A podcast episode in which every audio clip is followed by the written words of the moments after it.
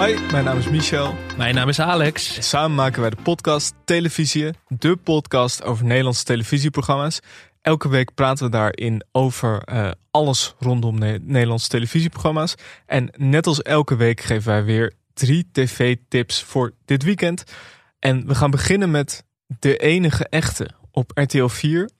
Um, dit wordt aangekondigd als iets voor fans van The Masked Singer en I Can See Your Voice. Uh, het is een eenmalige tv-special gepresenteerd door Nicky de Jager. Het is een beetje om te testen of het echt een succes gaat worden. Volgens mij is het net zoals ehm, Make Up Your Mind. Dat is toen ook een eenmalige special waarvan ze uiteindelijk, nou ja, dat was een groot succes, natuurlijk meer eh, willen gaan maken.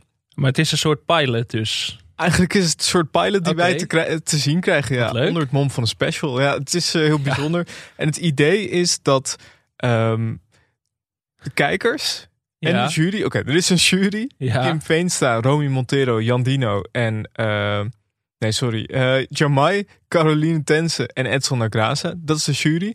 En dan heb je banners die meedoen. Kim Veenstra, Romy Montero, Jan Dino en Mike de Boer. Holy ja? shit. Heb je dat? Ah, ja, nee, die heb ik, ja. Het bijzondere is dus, er worden acts gedaan door vijf personen die er precies hetzelfde uitzien als de bekende Nederlander.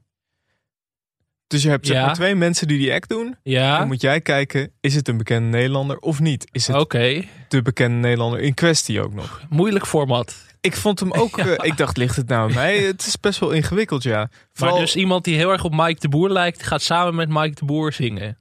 Ja, en het is dan wel, het- ze worden wel een soort van onherkenbaar gemaakt. En ehm, Ja, daar heb je ook weinig aan. Dan, dan heb je je hele leven lijk je op Mike de Boer. Dan krijg je een kans om dat te laten zien. En dan, dan krijg je dit. Ja, volgens mij is het dus niet de bedoeling dat ze er echt heel erg op lijken. Ehm, ik vond het ook raar. Ik moet, ik moet hier even beeld bij hebben. Ik dacht ook, ga ik het opzoeken? Nee, Nee, dat, nee, dat moet je... be- ik wil me Maar laten verrassen. dit klinkt wel echt als iets wat aan de tekentafel bedacht is. En wat ze zeiden van, ja, hier moeten we echt een pilot voor gaan maken, jongens. En dat de zendermanager dit gewoon alvast heeft ingepland. Ja, want er staat ook bij de aankondiging... wekenlang hebben Kim, Romy, Jantino en Mike getraind... om een act onder de knie te krijgen... om niet uit de toon te vallen ten opzichte van hun neppe versies. En dan gaat het over dans, kung fu, illusionisme. Ja, het is eh, een wonderlijk format. Ik ben eh, ontzettend benieuwd. Mike de Boer, kung fu of eh, illusionisme? Ik denk toch illusionisme. Oké. Ja. Zaterdagavond 8 uur op RTL 4. Tweede programma dat we gaan bespreken is Code van Koppens. De wraak van de Belgen. Alex, wat is dit? Ook zaterdagavond. Dus je moet gaan kiezen ergens. Half negen op SBS 6. Toch de grote concurrent. Eh, ja, dit is eigenlijk Escape Room, het tv-programma. Zo zou je het volgens mij het beste kunnen samenvatten. Twee eh, Belgische broers, Staf en Matthias Koppens. Die, eh, ja, die hebben voor eh, groep BN'ers een escape room op maat gemaakt.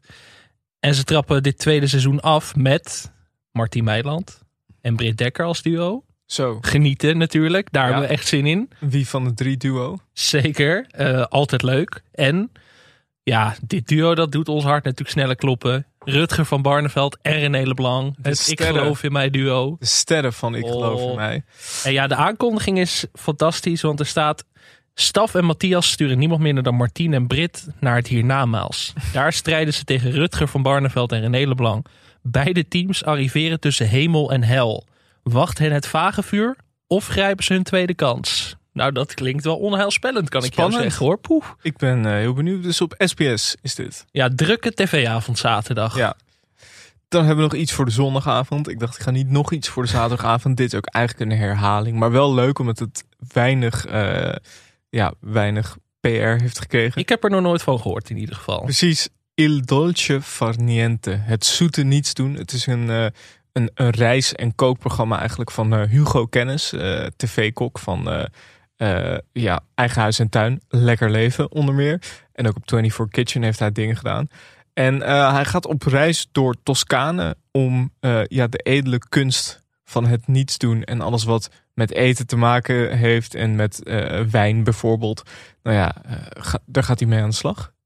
Maar, dat, maar wat gaat hij daarmee doen met die wijn opdrinken of wat? Drinken, bekijken. Hey, dat is mooi. Wauw, gaaf. Gewoon zoals dat gaat Ja? als, een, als een BNR in het buitenland komt. Wat ontzettend lekker. Ja, en Ja, je moet even de, de trailer, als je de trailer ziet, denk je, ja, zin in vakantie.